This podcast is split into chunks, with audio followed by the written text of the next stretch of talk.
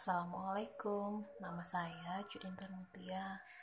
Kali ini saya akan berbagi bagaimana cara menata rumah. Uh, selama ini saya selalu berprinsip bahwa rumah adalah tempat tinggal dan bukan tempat penyimpanan barang.